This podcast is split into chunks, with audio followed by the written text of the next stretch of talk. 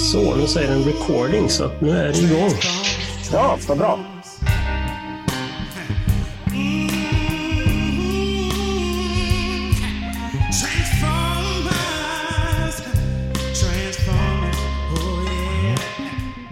Då pratar jag med dig Johan Boström igen. Det var ett tag sedan.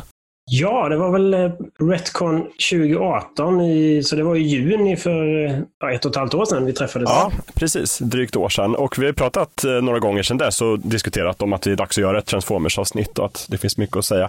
Jag tänkte att det är väl sällan det passar så bra som nu. Det verkar vara jättemycket som händer i, i den svenska Transformers-världen. Ja, absolut. Eh, jag har ju precis eh, avverkat Retcon 2019 eh, som var i Borås den här gången och vi har släppt två stycken Transformers-böcker det här året och vi har redan utannonserat eh, inför Retcon 2020 vad som kommer hända. Eh, ytterligare en ny bok och dessutom rätt så stora gäster som dyker upp på Retcon 2020. I alla fall i Transformers-community. Ja, precis. Vad roligt. Jag tror vi, vi får reda ut alla de där grejerna som du radade upp nu. Men jag tänkte vi börjar med, så här, de som inte vet vem du är, kan du väl presentera dig lite för Furukulturlyssnarna? Ja, jag heter heter eh, Johan Boström och jag eh, var med och startade upp eh, Nordens enda Transformers-konvent som heter Retcon. Som första gången gick av stapeln 2017. Och då, sen dess har vi kört varje år, så 2018, 2019 och nästa år kör vi igen då, 2020. Så, ehm, och det blir större och större för varje år, ehm, det här konventet. Eh, och sen så har jag även då varit med och eh, både varit medredaktör och översättare och eh, lite textsättare, eh, eller kanske rätt mycket textsättare på Ades Medias mm. Transformers-seriealbum också. Ja, du har gjort egentligen översättningen av, av liksom, egentligen brödtexten, eller pratbubblorna och så i, Ja, precis. Jag har översatt, översatt allt egentligen och sen har jag också textat pratbubblorna. Men eh, liksom eh, den andra texten eller eh, vad heter det, rubrikerna på de olika kapitlen och sådär har jag inte eh, gjort, utan antingen Andreas på Ades Media eller Bo Härne som har varit och jobbat med de delarna. Mm, just det. Hur, jag måste börja där med översättningarna, för att det måste vara jättesvårt just att ta de här besluten. Alltså, de heter ju till exempel inte Bedragarna längre, som de gjorde i de gamla svenska serietidningarna. Nej, precis. Var det någonting man fick brottas med? Det var väl mer ett... Eh, alltså, Autobotter eh, eh, kunde vi ju fortfarande använda eftersom det är ja. så pass likt Autobot. Så det, det, var också så det, de hette på, på 80-talet i de svenska serietidningarna. Eh, Decepticons hade vi väl ett... Vi, vi diskuterade väl lite fram och tillbaka där. Eh, jag och Andreas som medredaktör på böckerna. Eh, huruvida man skulle liksom använda sig av bedragare och det kändes inte riktigt aktuellt med de, eh, de här två böckerna som utspelar sig i IDW-universumet, Reckers mm. sista strid och Mer än ögat kan se. Utan där var vi rätt snabbt överens om att vi använder oss av Decepticons. Så det är ju många av de senare tv-serierna som också har använt just. Ja, just det. Precis. Så det kändes ju mer aktuellt. Sen var vi ju, funderade vi lite när det kom till den tredje boken vi har gett ut som eh, heter Jakten på Matrixen. För den är ju en eh, en utgåva av Marvel-serier som eh, då kom ut på 80-talet. Och där var vi väl inne på, eller jag var väl inne lite först på att det hade varit lite roligt kanske att använda sig av bedragare, ja. eftersom det var så det översattes förr i tiden. Eh, men vi landade väl i att det, det, blir, det är bättre att vi är konsekventa liksom i vår utgivning och då är det Decepticons. Som... Mm, just det. Ja, det, jag tycker det var ett, kanske ett klokt val i alla fall, även om det hade varit roligt där att få liksom, de här gamla uppenbara namnet på de onda skurkarna. Ja, det, finns, det finns dock ett, ett, ett Easter egg med just äh, bedragare, men det kan vi kanske ta vid, när vi kommer ja. till en av de böckerna. Ja, precis. För vi kommer återkomma till de här bokutgivningen, tänker jag. Men jag skulle vilja börja egentligen med att du får berätta lite grann. Hur kom det sig att du kom in i just alltså Transformers? Och hur blev det så starkt? Ja, det är en bra fråga. Uh, jag... Eller var och var började det och när började det? Ja, jag, är, jag är född 78 så att jag antar att jag var i rätt ålder, i rätt målgrupp eh, under mitten av 80-talet när Transformers lanserades. Eh, jag tror, minnet är ju svårt. Man minns saker och sen visar det sig att det inte stämmer och sådär. Men vad jag kan minnas i alla fall så eh, vet jag att jag någon gång, jag tror att det var första gången som jag stötte på Transformers, tror jag var någon slags VHS-hyrkassett eller något sånt där. I någon, någon, någon, någon uh, hyrfilmsbutik där man kunde hyra Moviebox och, och VHS. Just det. Jag tror det i alla fall, för det finns ju, en, det finns ju den där TV3-dubben av de gamla G1-tv-serien, men så finns det också mm. tidigare översättning också. En dubb som kom ut uh, på VHS-kassetter. Jag tror att det var det första jag såg, men jag, jag, jag, här kan minnet vara helt fel. Va? men jag tror att mm. det ehm, Men det jag fastnade för var ju när jag köpte min första Transformers-serietidning, som var nummer 7 1987. Okej, okay, så då hade den ändå gått några nummer? Ja, eh, jag vet att jag jag, jag, kan ju ha sett något nummer tidigare, eller sådär, men just det numret vet jag att jag köpte eller fick köpa av min, mina föräldrar. Eh, så det var väl det som startade det hela. Och Sen så började jag liksom följa tidningen och köpte den, den varje månad helt enkelt. Mm. Nu får du påminna mig lite, liksom just nummer sju där. Vad är det som händer i, i det numret? Nummer sju är eh, bland annat Brick Springstern-avsnittet. Just det, precis, just det. Så, eh, och sen, eh, oj, det kanske inte är det, det bästa, de bästa numren, men det var, det, det, var så jag introducerades till det. Eh, sen missade jag nummer 188 när Blaster och Blaster är på Cybertron. men sen vet jag att nästa nummer jag fick tag i var nummer 288 som var filmspecialen. Ja, just det. Precis. The Movie. Och den var ju, det vet jag, det är ju sönderläst. Jag har kvar mitt gamla exemplar ihoptejpat liksom för att det är så sönderläst. Mm. Men på frågan om varför det tilltalar mig så antar jag liksom att just det här med saker som ser ut som någonting och är något annat, eh, Transformers dubbla natur, eh, tyckte man väl var väldigt intressant då som barn antar jag. Eh, men det var inte det som gjorde att man stannade kvar, utan det som gjorde att man stannade kvar med tidningarna. Så var mitt, mitt, jag tyckte det var roligt med leksakerna, jag tyckte tv-serien var rolig, men mitt huvudfokus var ju serietidningarna. Mm. Och det som fick mig att stanna kvar med serietidningarna tills tidningen lades ner och sen fortsätta eh, efter det också, eh, det var ju det är, ju, det är ju liksom karaktärerna. Att det här var, eh, i synnerhet Furman eh, blåste ju liv i de här karaktärerna så att man liksom, man tyckte att man kände dem på något sätt. Ja, mm. ja för det, det, är ju liksom, det saknas ju egentligen inte liksom 80-tals leksaker som, är liksom, som förvandlar sig eller som är häftiga fordon eller där det är mycket action och sådär. Men, men just, jag håller med, just den här liksom speciella känslan av att det är karaktärer som man får lära känna.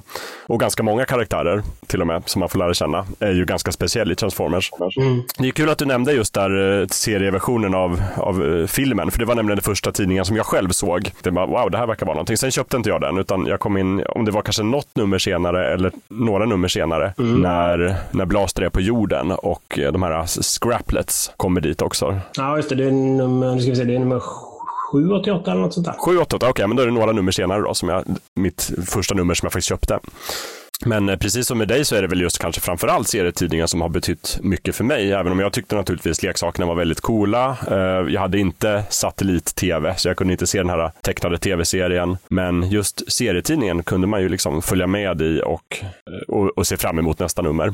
Ja, absolut. Och det var ju, mm, jag minns det där, men man, jag väntade varje månad på att få kolla i affären om det, om det nya numret hade kommit och sådär. Sen mot slutet blev jag prenumerant, så att då fick man ju hem det i brevlådan Ja, precis, precis. Men bara för att liksom rama in din serieberättelse lite grann. Vad, vad läste du mer för serier? Var det bara Transformers eller hade du andra nummer du följde? Nej, alltså jag jag köpte nog, jag, jag, läste mycket serier liksom. Jag började ju som, som litet barn och fastnade jag just för mm. serier. Som, så jag, så här, tre, fyra åring så fick ju min, min mamma eller pappa läsa så här, Nalle Puh och Tom och Jerry och sådana grejer för mig. Men det som liksom hakade tag i mitt serieintresse, det tror jag var eh, ett Star Wars-nummer som kom ut 1984. Då, då, då, blev jag liksom... Så var det eh, månadens äventyr då som gav ut eh, Star Wars-serier? Ja, det var... Eller hade de en speciell Star Wars-tidning? Det, det, här numret menar du? Ja, eller var det, det var den, gavs det ut andra Star Wars-serier i Sverige? Eller? Eh, det var ett speciellt nummer. Det var en, mm. under den tiden som, som David Michelini och, eller Michaelini kanske han heter, och Walter Simonson eh, mm. skrev Star Wars-serien och ritade Star Wars-serien. Så att det var ju, det var väl kanske höjdpunkten av Marvels Star Wars-serie. Så det var ett, ett speciellt nummer när, mm. när Luke och Chewie är på ett uppdrag. Eh, men sen så småningom, pratar framåt 88 där någon gång, 88, 89, 90 där någonstans så började jag väl fastna för, bli mer intresserad av Marvel. Ja. Och eh, X-Men då i synnerhet och lite Spiderman också.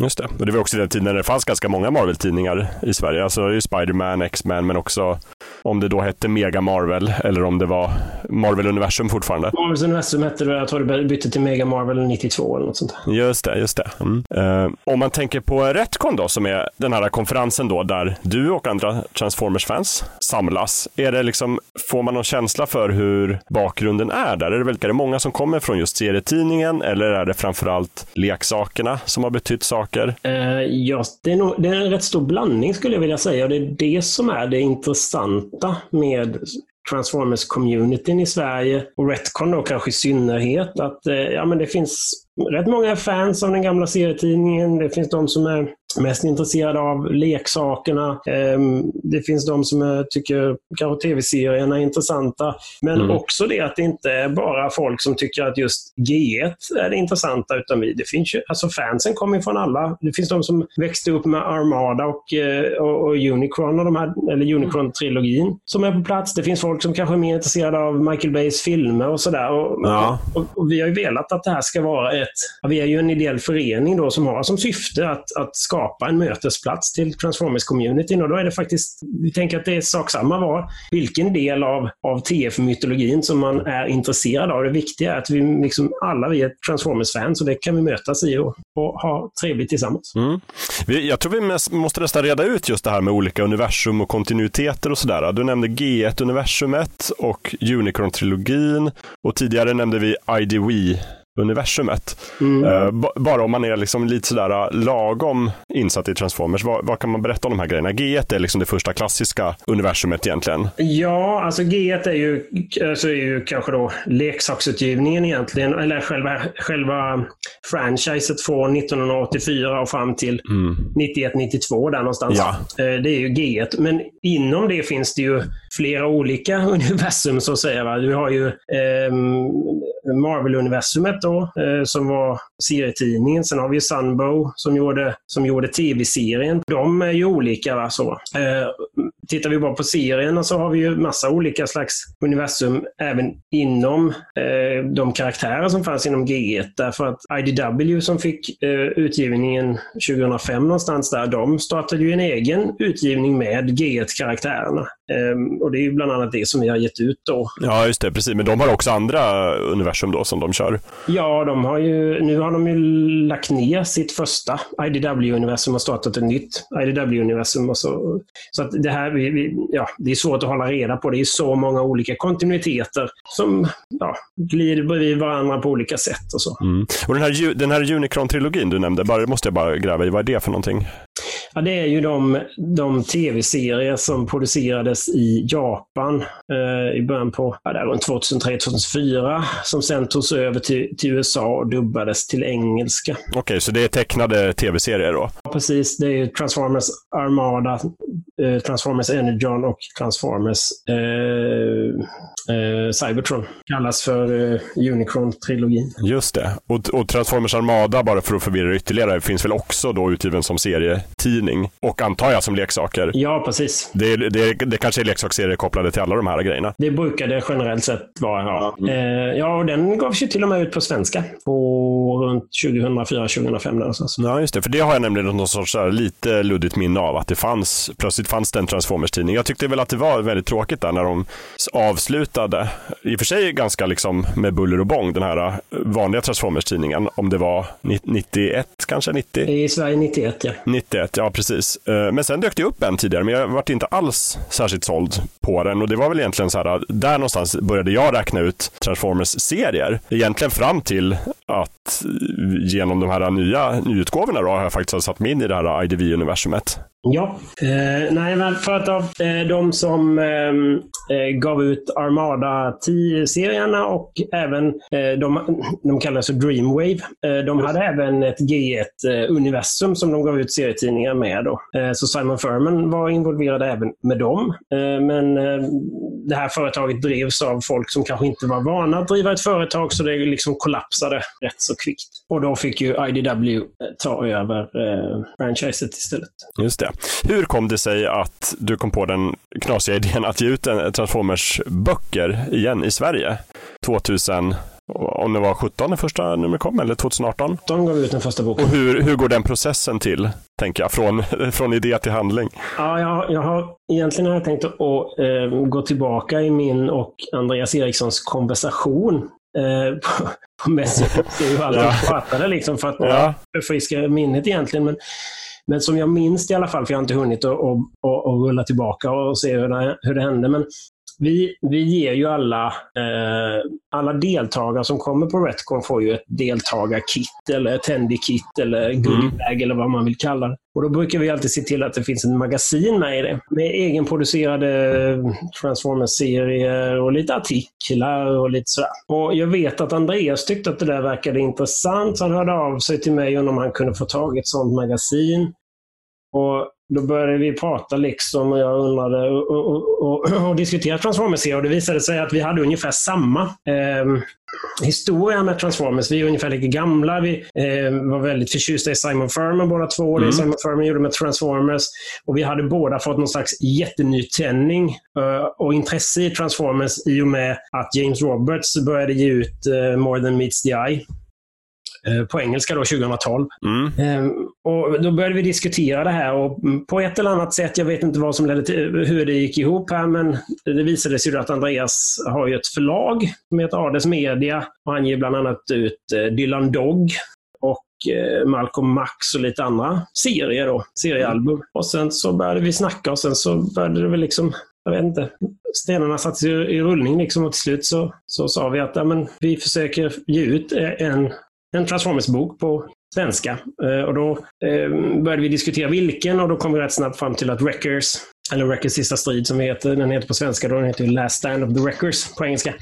Att den, det här, det här är en, en bra startberättelse. Därför att det är en avgränsad historia. Eh, det är liksom både det är Nick Roche och James Roberts som författare. Det är Nick Roche som tecknare. Alltså det är liksom crème de la crème. Ja, just det, för det är ju inte liksom på något sätt den, den första delen i, i det här IDV-universumet, utan den tar ju vid. Det har ju pågått ett tag, då får man, förstår man ju. Om man, om man då som jag läser den utan att ha egentligen någon koll på vad som har hänt i IDV-universumet, är det ju ändå en ganska bra start, för det är ju verkligen in i hetluften på en gång. Ja, och den, den, den är inte riktigt starten på vad som brukar kallas för fas 2 i IDW, när, när James Roberts eh, och lanserade då More than meets the eye.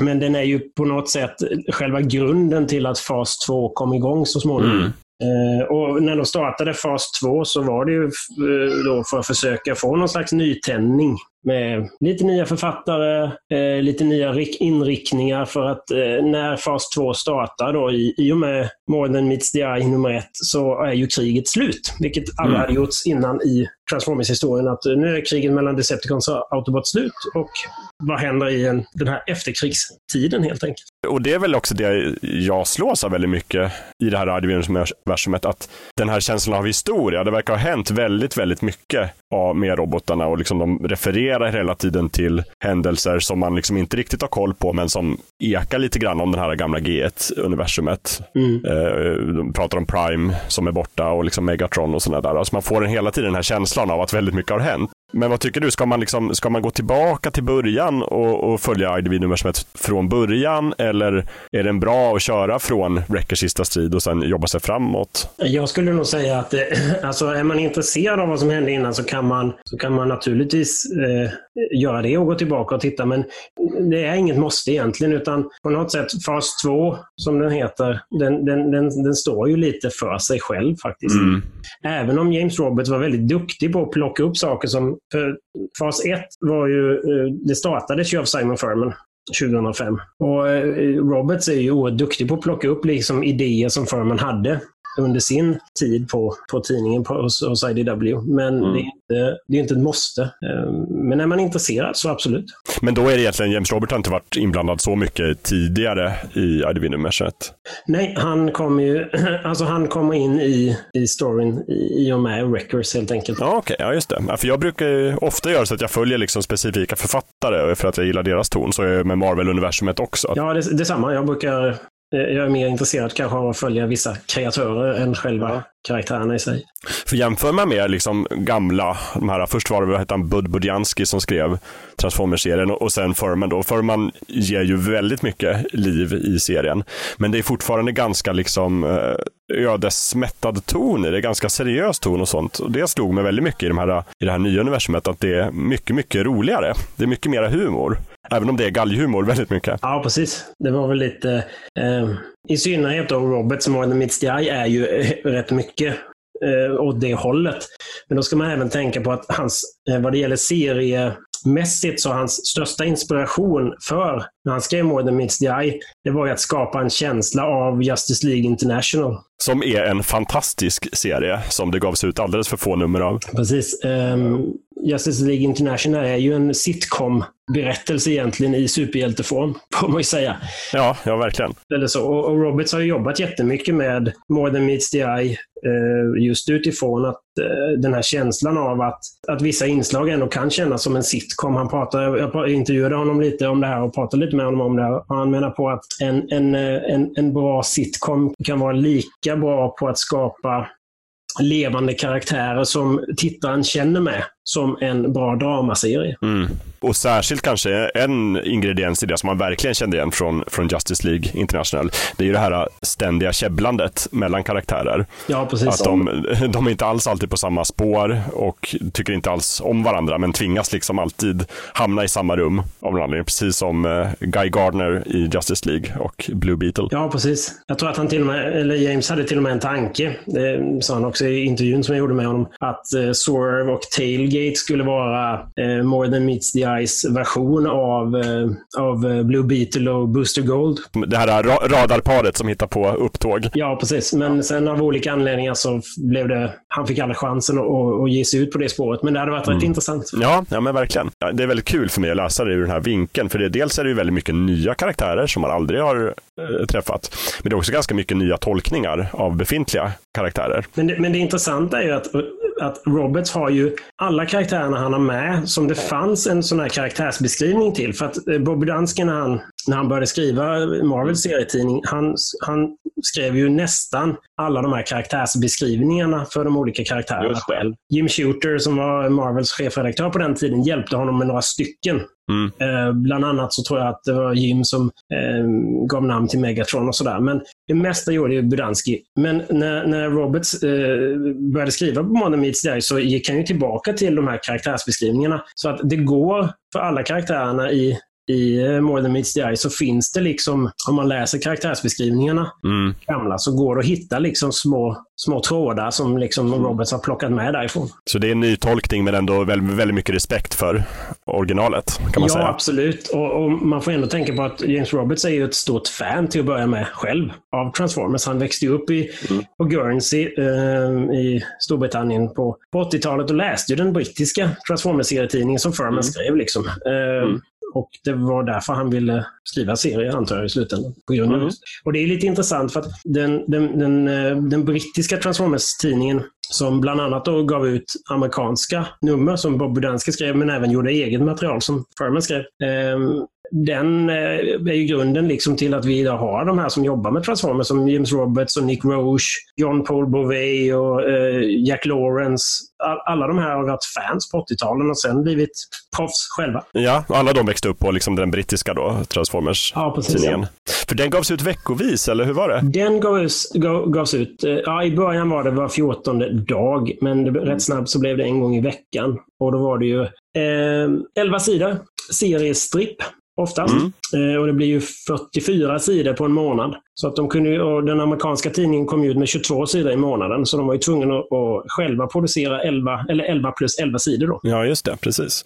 Och då gärna så att den passar ihop någorlunda då med den amerikanska utgivningen som sen ska fortsätta nästa ja, månad. Furman skrev ju tidningen nästan från början. Det var någon annan innan honom, men han tog ju rätt så snabbt över tidningen i, i Storbritannien. Då. Och hans mål var ju att läsaren som köper tidningen varje vecka ska inte, ska inte kännas, det ska inte kännas för läsaren som att det är en amerikansk och en brittisk tidning, utan allt ska liksom bara flyta på. Var ju ja. själva huvud, huvudtanken. Då. Sen kanske de inte riktigt löste det alla gånger. Nej, alltså det är väl alltid så lite problematiskt att behöva förhålla sig till någon annans berättelser så på regelbunden basis. Men också tänka att hela Transformers-franchisen måste också varit väldigt bunden till vilka leksaker som skulle getts ut. Ja, och i synnerhet, var det ju, i synnerhet hade ju Bobby Dansky i USA eh, problem med det. Precis, I, i det här numret så ska du introducera Headmasters. Grattis, skriv. Medan de i Storbritannien som inte Hasbro höll jättebra koll på kanske, de kunde ju liksom göra betydligt fler saker än vad Bob Budansky kunde. De skapade ju nya egna karaktärer som inte ens fanns som mm. leksaker, som Impactor då och så här. Och kunna använda de karaktärerna som Budansky inte använde. Så de använde ja, Ultra Magnus i, i många serier, eller i många nummer, och, och eh, Galvatron och så. Precis, särskilt just det här, det är ju karaktärer från den tecknade långfilmen. Den måste ju ha betytt jättemycket för, eh, för den brittiska utgivningen. Plötsligt har vi en hel uppsättning med karaktärer som inte används i serien, som vi kan ta. Ja, jo precis, och det var ju, det var ju precis så Furman kände, liksom att mm. här har vi, den amerikanska tidningen tänker inte röra de här karaktärerna, och vi har vi har karaktären och vi kan till och med eh, ta utgångspunkt i filmhistorien och sen bara springa med det, liksom med vår egen historia kring det här. Ja, men tack vare uh, mekanismer som tidsresor och alternativa universum. Ja. ja men, och, och de bästa uh, Furman-berättelserna som jag själv tycker i alla fall är ju just de här stora episka brittiska uh, långkörarna. Där Galvatron är med och reser i tiden. Och... Ja, ja, absolut.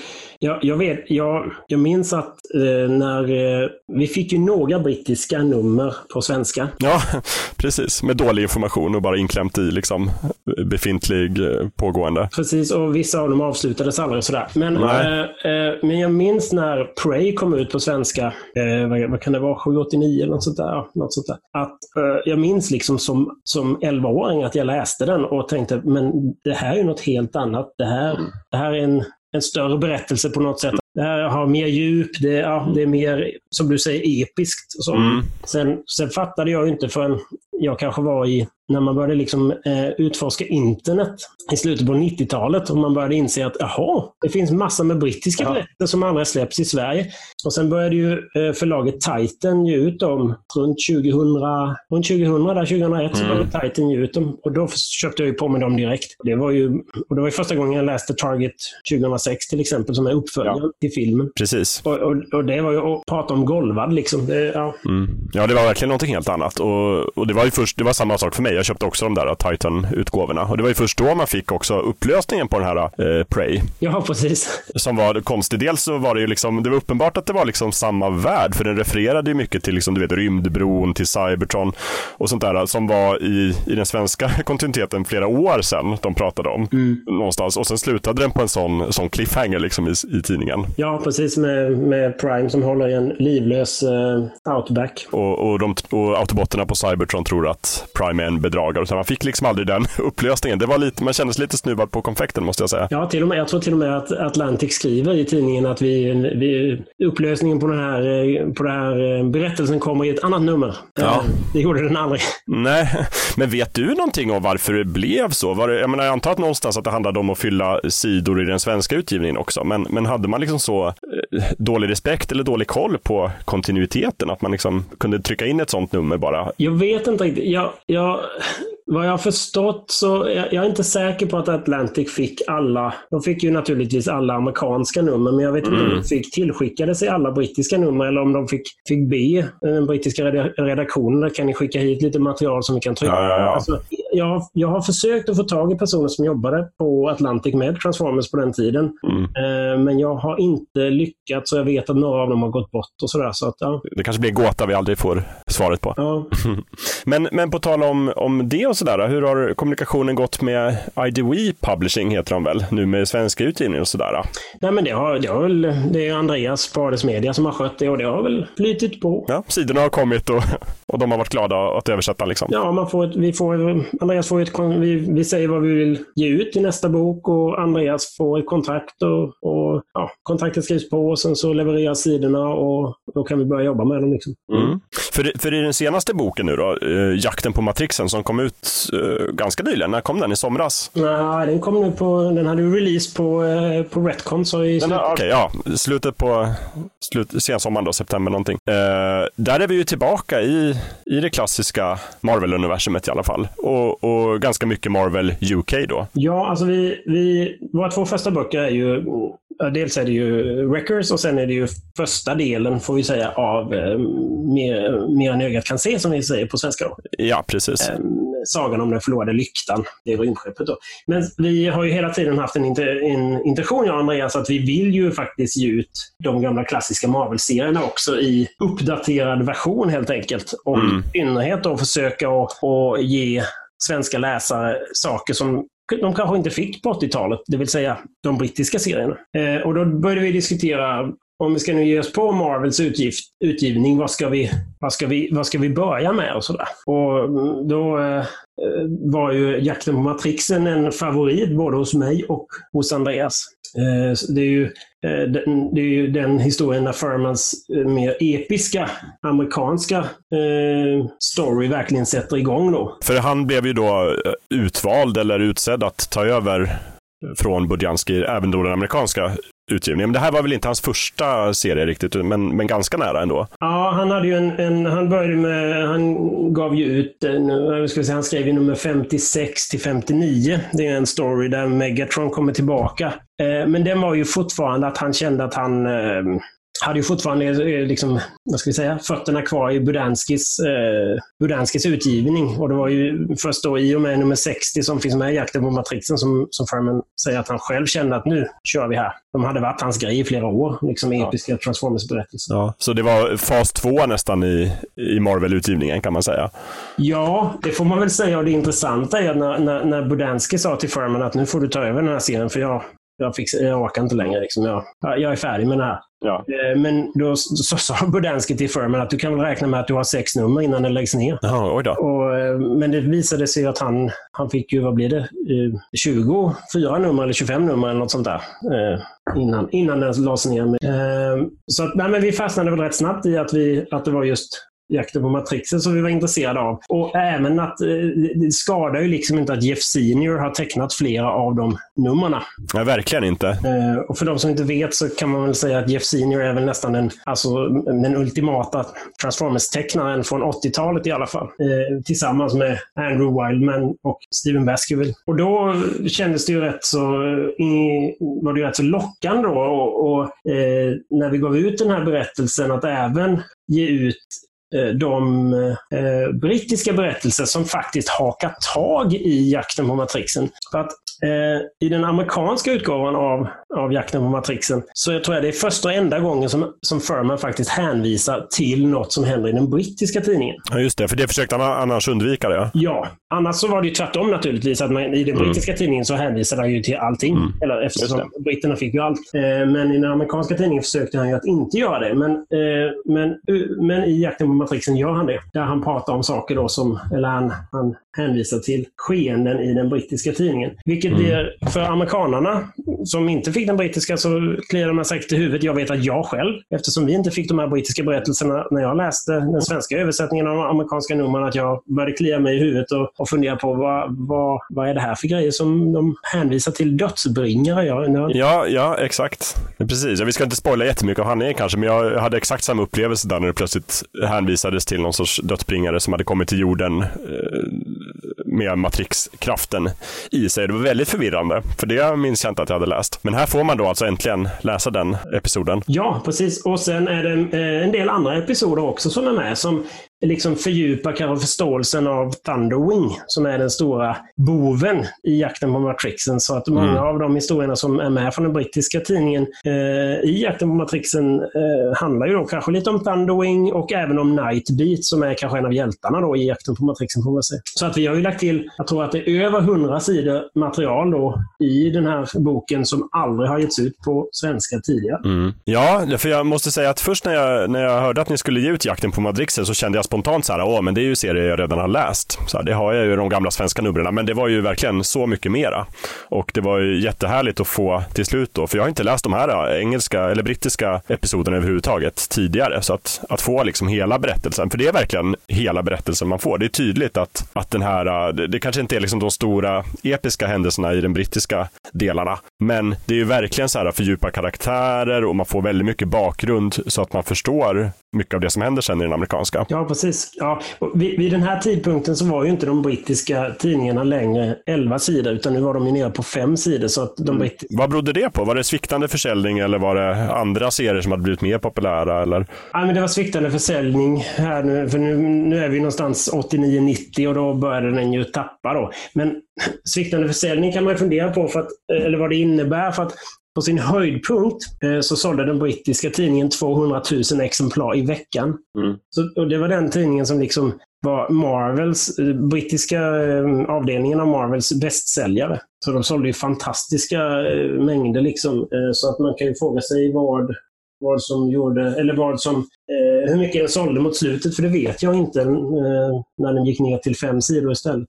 Eh, men det är ju som sagt, det är lite korta, lite korta historier, men ändå att de, att de här extra historierna faktiskt fördjupar många av karaktärerna, precis som du säger. Som att man får en större förståelse för eh, just det här kring dödsbringan och sådana här saker. Mm. Ja, ja och, och, och kanske särskilt eh, Thunderwing för att i den amerikanska serien minns jag att han kommer ju verkligen från ingenstans i slutet av ett nummer och bara, jag är här för att hitta matrixen. Och man vet inte alls vem, jag tror inte ens han, han har väl aldrig ens dykt upp i serien innan dess. Nej, precis, utan han, eh, han dyker upp och Bludgeon och eh, de här andra dyker väl också upp va? Ja, precis. precis.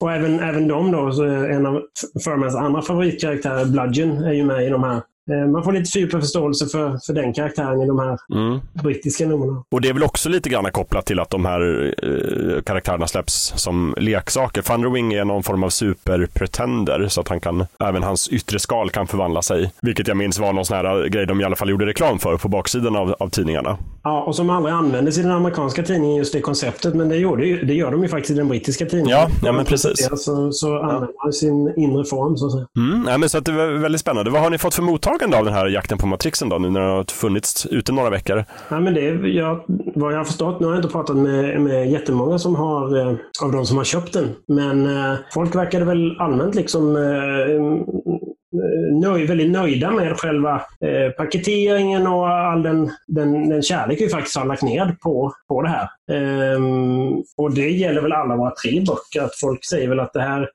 de är oerhört snygga, eh, påkostade och eh, ja, man får se, se de här historierna, även om man har läst dem innan, så får man dem på ett helt nytt sätt eller så. Mm. Det, är ju, det är ju rätt så maffiga saker. De är ju på eh, Records är på 225 sidor och de andra två är ju på 305 sidor. Ja, de är riktigt snygga och de ser väldigt bra ut i bokhyllan också faktiskt. Det, som man trodde faktiskt inte att det skulle ges ut böcker av den här klassen på Transformers i Sverige 2019, men det gör det och det tycker jag är ganska fantastiskt. Mm. Jag menar, för båda de här två första har ju verkligen varit en, en nytändning för mig i alla fall. Det har varit ett helt nytt Transformers-universum att upptäcka. Jakten på Matrixen kanske mer har varit att liksom fördjupa sig i någonting som man känner till sedan tidigare och tycker om. Uh, men det har varit eh, som sagt, uh, det är en ganska bra berättelse av Furman att ge ut ändå eftersom att han han ägnar sig väldigt mycket här åt att liksom hänvisa och referera till andra alltså klassiska filmer och det är väldigt mycket genrelek i det hela. Ja, och det, det, det, har, ju, det har ju varit hans grej ända från början. Det kan man ju mm. gå tillbaka och titta på en sån här eh, historia som In the National Interest från, eh, från eh, Marvel UK där runt nummer 75 någonstans eller vad det är. Där, där leker han ju med gamla eh, sådana här eh, spionfilmer eh, och är inspirerad av det istället. Och, och eh, mm.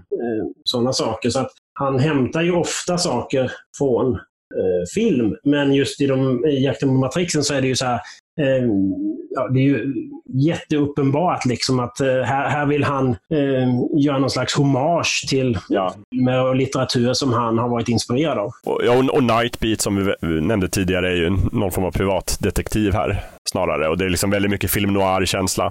Ja, och Furman är ju ett fan av Raymond Chandler. Det märks. Ja, precis. Så att Nightbeat har ju blivit någon stand-in för, för, för Chandlers karaktär. Ja, men precis.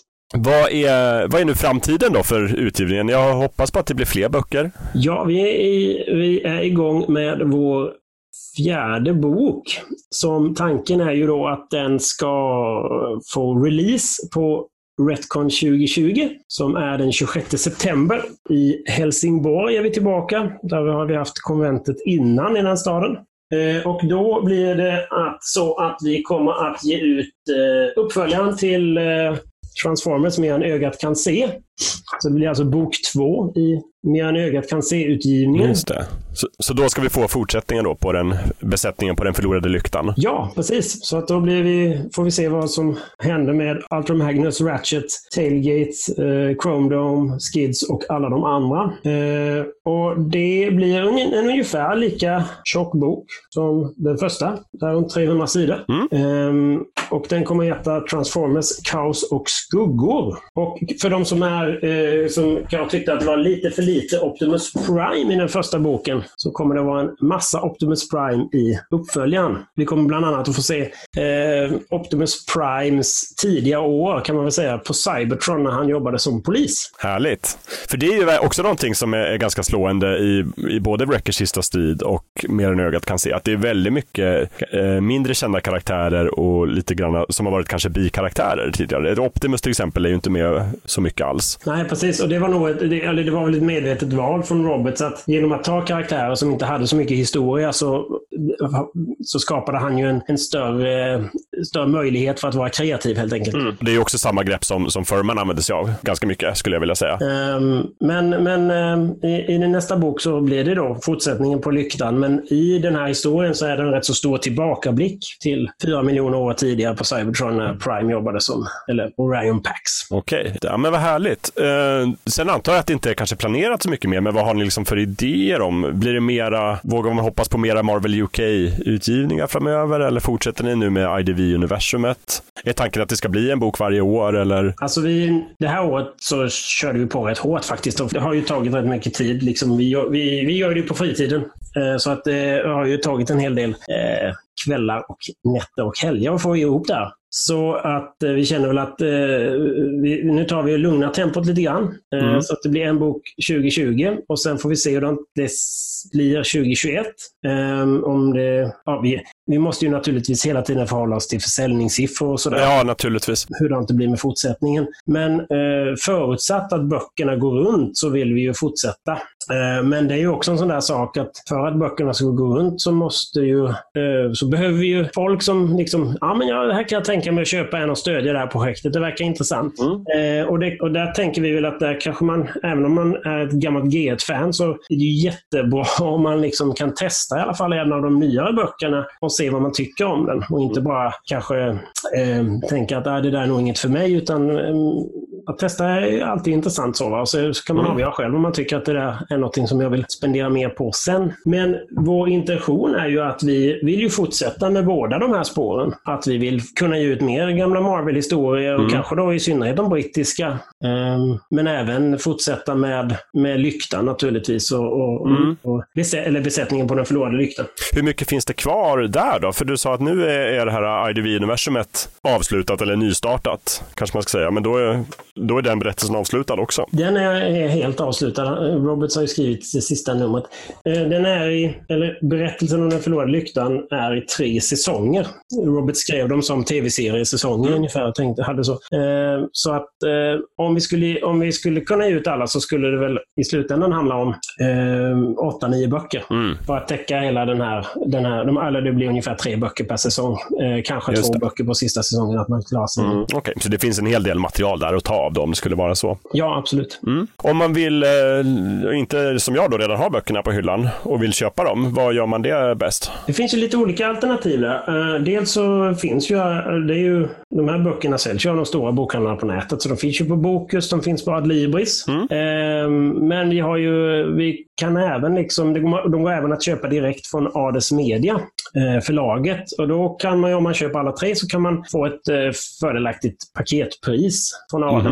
Men sen har vi ytterligare en grej som vi kommer att släppa i veckan. Och det är att för, för både vad det gäller Mer än ögat kan se och Jakten på Matrixen så gjorde vi ju som så att eh, de som förbokade fick ju ett officiellt tack i, i boken. Eh, så i Jakten på Matrixen, så alla som förbokade eh, fick ju i slutet av boken har en sida där det står värdiga bärare av Matrixen. Just det. Jag hade faktiskt glömt bort det där, men jag upptäckte det nu häromdagen att mitt namn står ju också där. Det var väldigt trevligt. Så att där står det så här, tack till er som förbokade och sen så alla namn då på de som, som Eh, förbokare. Och eh, i Mer än ögat kan se så eh, var det likadant. Att eh, sista sidan, eller bland de sista sidorna så finns det ju en tacksida där det står, bara plocka fram den här eh, värdiga mottagare av Rodimus-medaljen. Och eh, det är en liten eh, en vink till någonting som finns med i, i boken. Då. Och vi skriver där, tack till er som förbokade. Den här boken hade inte kunnat bli av utan ert stöd. Och det är verkligen så sant. Hade vi inte fått förbokare och så pass många förbokare så hade vi så hade det kanske inte blivit av helt enkelt. Mm. Så, att, så, så förbokar är oerhört viktiga. Så att där tänker vi att vi kommer att köra samma sak för Kaos och skuggor. Så att eh, vi kommer snart att öppna upp för de som vill förboka och de som förbokar får naturligtvis ett tack i även den boken. Men där kommer vi även ha ett lite specialerbjudande. För alla som förbokar och inte har mer än ögat kan se, så kommer de att få köpa den boken för 200 kronor från Ades Media. Man får första delen liksom i berättelsen också? Ja, och då, det är en rätt stor rabatt. Men då vill vi inte att de som eh, kastade sig in och faktiskt förbokade mer än ögat kan se, att de ska bli utan någonting. Så att eh, de som redan har mer än ögat kan se, eh, de som var med och förbokade förra gången, så att säga, eh, de kommer istället få en rabattcheck på 20% på Ades Media.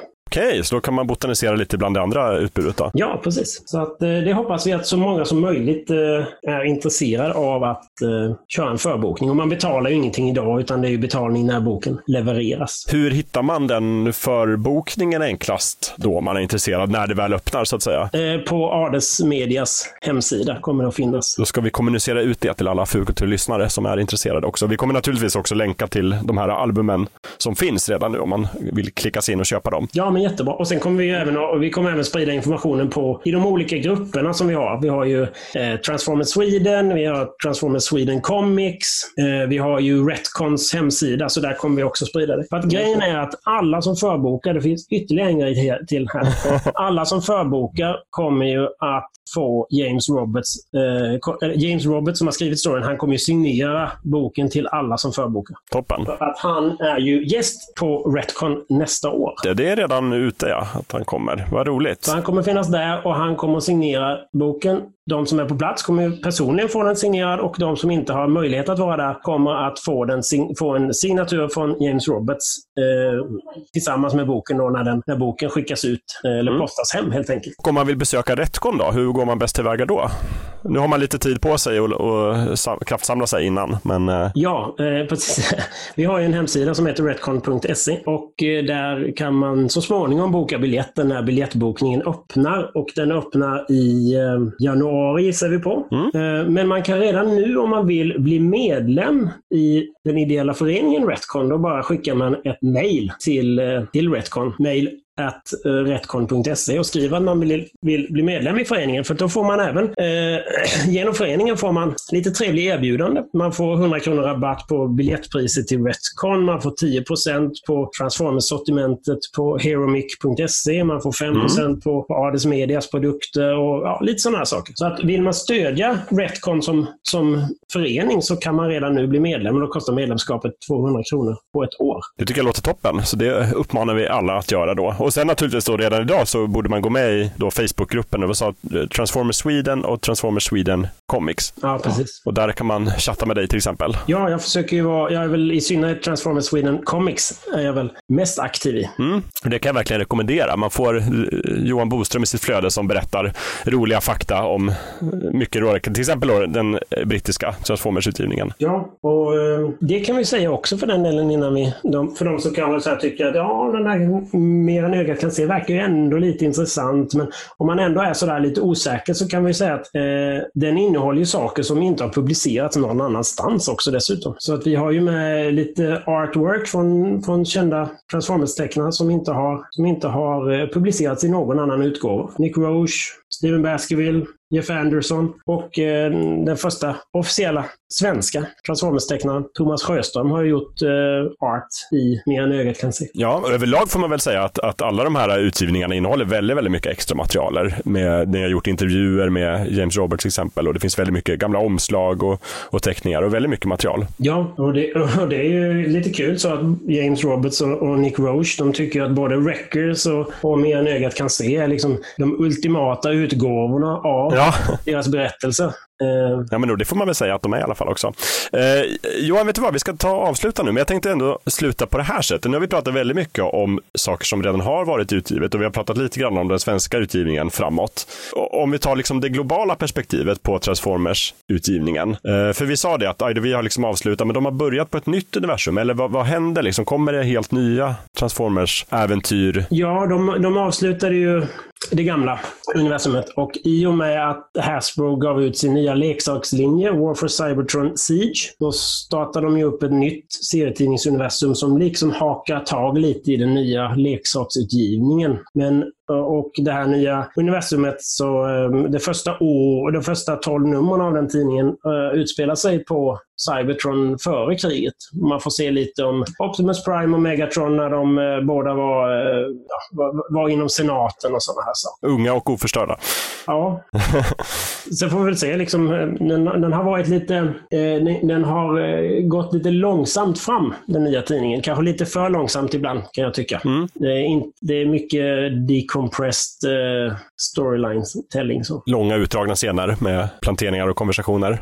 Ja, fast, ja, fast ändå inte så mycket konversation. Alltså, det, är inte Aha, okay. det, är inte som, det är inte som Roberts, liksom, när man bara pressar in så mycket konversation som det bara går. Utan här är det mer, man läser snabbt igenom ett nummer, och, men det händer inte så mycket ändå, tyvärr. Mm. Ja, vad tråkigt, men vi får hoppas att den tar fart då och kommer igång. Ja. Eh, vad härligt. Johan, jag eh, tycker att det varit jätteroligt att äntligen få snacka lite Transformers med dig. Jag tänker vi får absolut göra det här igen. Kanske när nya boken kommer ut och sådär, så ska vi gå igenom den i grunden. Absolut, vi kan väl se om, det, om, om, om ni kommer på, eh, på Retcon nästa år. Så går det... Ja, men det ska vi försöka göra. Jag, vi sa det, både jag och Andreas, att det var ju synd att vi missade i år. Liksom. Men ibland blir det så. Men då har vi å andra sidan ett bra tillfälle att komma ner till, vad sa du, Helsingborg? Helsingborg blir det. Just det, så det var där vi var förra gången också, så det passar ju utmärkt. Då hittar vi. Precis. Och så får jag väl säga ett jättestort tack då från Fulkultur till till dig och till Andreas då på Ades Media för allting ni gör för det svenska Transformers-communityt och alla som jobbar med Retcon också för den delen.